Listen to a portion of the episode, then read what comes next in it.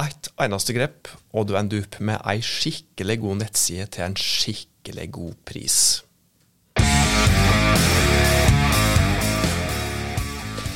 Har du planer om en ny nettside, eller kanskje friske opp den nettsida du har fra før, for å få den til å funke enda bedre for deg og målgruppa di?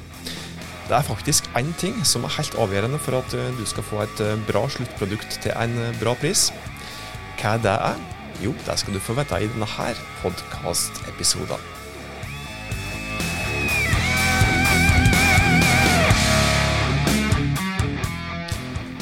Hei sann, hjertelig velkommen til Hauspodden. Det er fagfolket i Haus som eh, nok en gang er på plass for å gi deg gode tips om hvordan du kan eh, nå små og store mål i virksomheter og organisasjoner der du jobber. Jeg heter Tormod Sperstad. Si tusen takk for at du er lytter til denne podkasten her. Denne episoden er spesielt for det som jobber i ei virksomhet eller en organisasjon som eh, allerede har bestemt seg for å få på plass ei ny nettside, kanskje redesigne den gamle. Og Du bør faktisk òg høre på denne episoden her hvis du tror at tida snart kan være moden for en ny nettside, eller hvis du akkurat har lansert en ny nettside og er litt usikker på om du har fått eh, full valuta for den investeringen som det tross alt innebærer. Og så prata jeg en del om dette her tidligere, hva det er å ha ei god nettside egentlig betyr. Eh, er grep du kan ta for å få ei god nettside. Eh, eksempel så har vi prata om det at du må starte med brukermål og virksomhetsmål. At eh, nettsida di må være universelt utforma. Og her er det, by the way, nye krav. Nå vet jeg ikke hva tid du hører på denne episoden, her, men vi har jo da WCAG 2.1-standarden som ganske mange må forholde seg til fra februar 2023. Så det er da en del krav da, som, som du må oppfylle for å ja, både tilfredsstille gjeldende lovverk og være rigga for god Google-synlighet. Og så har vi også prata om en god del andre ting òg i tidligere episoder, om eh, hvordan du kan få ei ordentlig god nettside. Men i dag så skal vi starte med det som ofte kommer lenge før prosjektet starter, men som er helt essensielt. Først og fremst for at eh, den nye nettsida skal bli så bra som mulig, slik at du kan nå virksomhetsmålene dine gjennom den nye nettsida, men òg for at du skal få mest mulig igjen for tida og kronene som du bruker og investerer i webprosjektet. Og ikke minst for at du skal få inn mest mulig sammenlignbare pristilbud fra ulike leverandører av nettsida. For det kan jo godt hende at du trenger hjelp av flere samarbeidspartnere for å gjennomføre webprosjektet ditt. og da er det viktig at du faktisk eh, får det som du betaler for da, fra den leverandøren som du til slutt eh, skal velge. Dette her går på ett ord, og det ordet er kravspesifikasjon. Det er viktig å ha en god kravspekk på plass, altså en tydelig beskrivelse der du stiller konkrete krav til hva den nye nettsida skal oppfylle av ulike krav, som f.eks. funksjonalitet, tilknytning til andre system, altså integrasjoner. Kanskje si kravspekken og litt om ønska uppetid og fryktelig mange andre ting. Hvorfor bør du så ha en kravspekk på plass? Vi har jo prata litt om det slik innledningsvis, og jeg skjønner godt at dette her kan være litt vanskelig. Men det å ha en detaljert kravspekk eh, da får du som nevnt både bedre nettside og mer igjen for pengene dine. Det er i bunn og grunn det som det handler om. Og jeg har også sagt litt om det òg allerede, men eh, kravspekken er viktig for at du skal få mest mulig sammenlignbare tilbud. Eh, et eksempel i så måte, hvis du ikke har en eh, kravspekk, eller har en mangelfull kravspekk, og du ber om tilbud på en ny nettside, og så sier du kanskje bare ja, send ut noen mailer til noen potensielle leverandører, og så sier du hva koster det ei ny nettside? Så vil det faktisk i en del tilfeller være leverandører som bare på bakgrunn av det ene spørsmålet sier at jo, ei nettside der koster fra kroner null. Og så ender du da opp, hvis du takker ja, da, til, med ja, da løpende kostnader som bare flyr av sted når leverandøren da har satt i gang. Eller enda verre, hvis du har en vag kravspekk eller ingen kravspekk, og den ene leverandøren da tilbyr en nettside til kanskje ja, 30 000, og en annen leverandør tilbyr en nettside til kanskje 95 000, fordi eh, ja, sistnevnte kanskje allerede har en grunnleggende måte å jobbe på som tar mer hensyn til formelle krav som f.eks. universell utforming. Og da kan det være lett, eh, fristende, å velge det som på papiret ser rimeligst ut, men som målt i lønnsomhet over tid garantert vil være det desidert dyreste tilbudet. Stutt sagt så, så, er det fort gjort å velge leverandør på helt feil beslutningsgrunnlag. Eh, kanskje da hvis du da har fått to tilbud som ikke er godt nok sammenlignbare, som da kan skje hvis du ikke har en god nok kravspesifikasjon. Så ja, kravspesifikasjon den er viktig. Den er helt avgjørende, spesielt når du skal innhente tilbud fra flere. Dette med å utarbeide gode kravspesifikasjoner det kunne vi jo sikkert hatt en hel episode om, men jeg tenker da at du skal få noen tips òg. Ja, I hvert fall noen grunnleggende tips til hvordan du kan lage en god kravspesifikasjon. Eller kanskje for å være mer presis, få noen gode innspill til ting som du kan vurdere å ta med inn i din framtidige kravspesifikasjon for en ny nettside. Dette varierer da fra virksomhet til virksomhet, men eh, du skal i alle fall få noen innspill fra meg nå. Og den som utformer den kravspekken, bør egentlig ha eh, ganske god grunnleggende kunnskap om, eh, om webutvikling, eller må i alle fall være webfaglig sterk, slik at det blir stilt rette krav som sikrer god synlighet, som gjør at du får de funksjonene som du skal, skal, ha, eh, som gjør at du oppfyller lovmessige krav. For det er faktisk mange nettsideleverandører som ikke leverer på, på lovkrav når det gjelder f.eks. universell utforming da, og andre ting. Og Har du ikke god kontroll på dette sjøl, så er det smart å investere i ja, litt tid da, for å få med deg noen som har formalkompetanse på web til å utforme denne her kravspesifikasjonen sammen med det. Kravspesifikasjon den eh, bør eh, si litt om målsetting med nettstedet, både virksomheter sine mål og eventuelt brukermål dersom det er kartlagt. Men så er det også slik at målsettinga kan også avklares som en del av prosjektet når det er satt i gang, typisk da i en, i en oppstartsworkshop.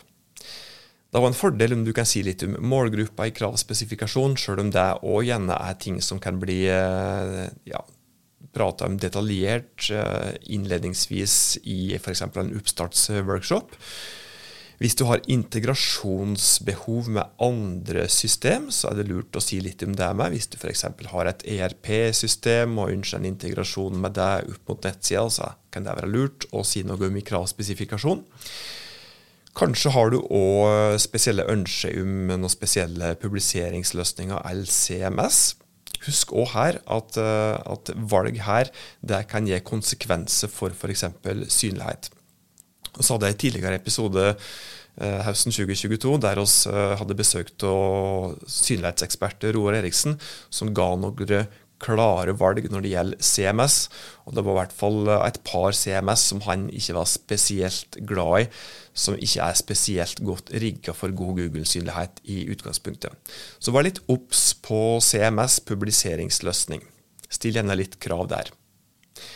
Kravspekken bør òg si noe om eh, hvilke krav til universell utforming som du stiller, og si gjerne òg noe om hvilken standard som du eh, vil følge eller må følge. Da er det da VKG 200 eller VKG 2.1 eh, som gjelder. Og så bør du òg si litt om det du har krav utenom minimumskravet som du vil skal oppfylles på den nye nettsida di. Og Hvilke krav du må oppfylle, det varierer litt. Eh, nå vet jeg som sagt ikke når du hører på denne episoden, her, men alle offentlige nettsteder de må forholde seg til VKG 2.1 fra ut i februar 2023.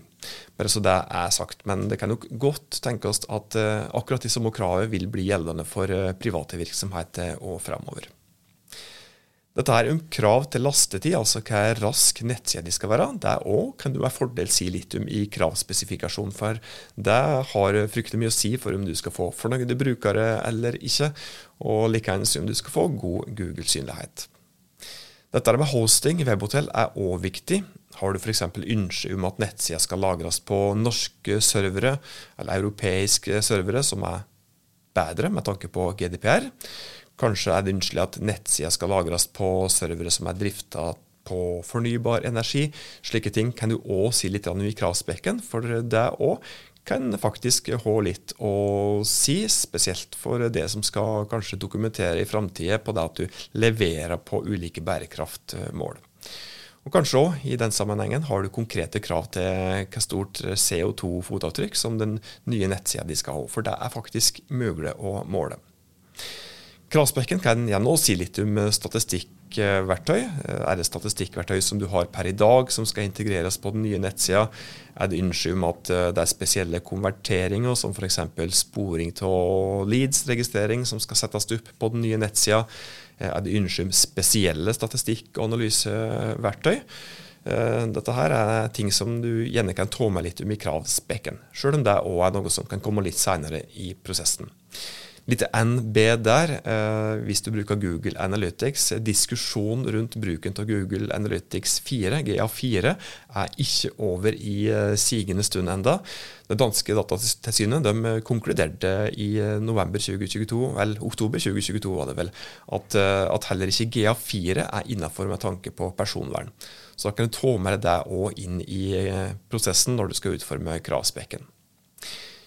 Kravspekken kan uh, gjerne også si litt om den nye nettsida skal støtte for flere språk. Og i så fall så må du si litt om hvilke språk som du vil at den nye nettsida skal, skal, skal, støtte, og i alle fall hvem skal levere tekst. Det kan du si litt om der, sjøl om det òg gjerne kan bli eh, prata om litt seinere i prosessen. Men slike ting legger gjerne føringer på, på kostnadsbildet. Kravspekken bør si litt om hvem som skal levere innhold, og her gjelder det både tekst og visuelt innhold. Har du ikke det på plass, så vil du òg risikere å få feil beslutningsgrunnlag når du får tilbud fra ulike leverandører. Funksjonalitetskrav er et viktig punkt eh, i eh, kravspekken. Er det f.eks. ønske om spesiell funksjonalitet, som f.eks. chat, kanskje sideinternt søk, bestillingsløsning osv., det må du ha med i, eh, i kravspekken. Kanskje òg har du spesielle ønsker om uh, synlighet. Uh, så synlighetsønsker òg kan være et punkt i kravspekken. Er det f.eks. ønskelig at nettstedet er tilrettelagt for synlighet på spesielle søkeord eller fraser? Litt NB i så måte. Det må i så fall forankres i en god søkeordanalyse, så den må være på plass. Og gjerne, hvis du har det fra før, så kan du gjerne gjøre ei oppdatert fersk ei i forbindelse med, med, arbeidet når du skal ha på plass en ny eller revidert eller redesigna nettside. Men litt slik generelt, om sida skal være rigga for synlighet, det kan du gjerne si litt om. Eh, leverandører, bare for å si det òg, leverandører kan aldri garantere deg god synlighet på på spesielle søkeord, så du kan ikke ha krav til det i, eh, i eh, kravspekken din. For uh, hvis det er noen leverandører som da sier at jo, og skal garantere det førsteplassen på det ordet, da er de rett og slett ikke webfaglig sterke, for det er det ingen som kan garantere. Kravspekken bør si litt om at eh, det skal være mulig å overstyre den såkalte metabeskrivelsen i CMS-et som eh, skal brukes, at det ikke skal være duplikate metabeskrivelser, title tags eller duplikate sider ved lanseringstidspunktet. Og du kan med fordel også si noe om det i kravspekken, at CMS-et, altså publiseringsløsninger, skal være satt opp med en såkalt søkemotorvennlig URL-struktur. Og Dette her med lanseringstidspunkt òg kan du òg gjerne ha i kravspekken. I hvert fall et ønske om lanseringstidspunkt. Men husk deg at uh, hvis du òg skal levere litt innhold f.eks. til nye nettsider, så er det gjensidighet som gjelder her for at lanseringstidspunktet skal være realistisk å, å holde. Liten slik eh, bonus, eller et bonustips. Eh, at, eh, at ja, når du har fått inn tilbud fra ulike tilbydere som har forhåpentligvis forholdt seg til kravspesifikasjonen din, eh, sjekk at de faktisk leverer på kravspekt. Og her òg, sjøl etter at nettstedet er lansert, så kan du få med en tredjepart som er webfaglig sterk i etterkant. Eh, som da sjekker det som er levert i forhold til kravspesifikasjonen. Og Det kan òg være lurt å be om et sluttdokument der leverandøren da bekrefter det som de har levert på. Da er det tid for ukas eh, framsnakk, og denne uka her så vil oss framsnakke Lisa-klinikken, som da er en gratis dyreklinikk som er drevet av Dyrebeskyttelsen.